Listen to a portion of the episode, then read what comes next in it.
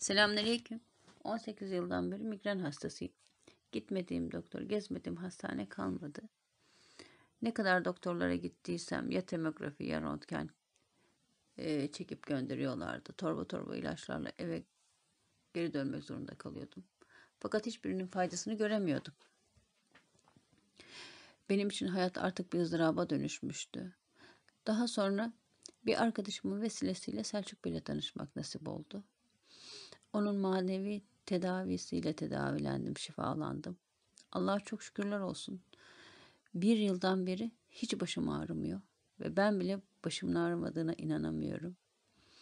O kadar zor günler yaşadım ki daha önceleri Ramazan oruçları bana, benim için bir ızdıraptı. Ramazan ayı geldiği zaman, Ramazan'ın ilk günleri, iftardan sonra ş- felaket baş ağrılarım oluyordu, atakları oluyordu. Daha sonra acillere gidip serumlar, iğneler alıp eve geliyordum.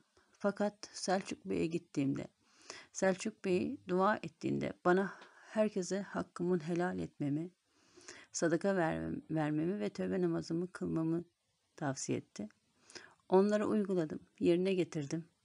Allah'a çok şükürler olsun. Hiç başım ağrımıyor.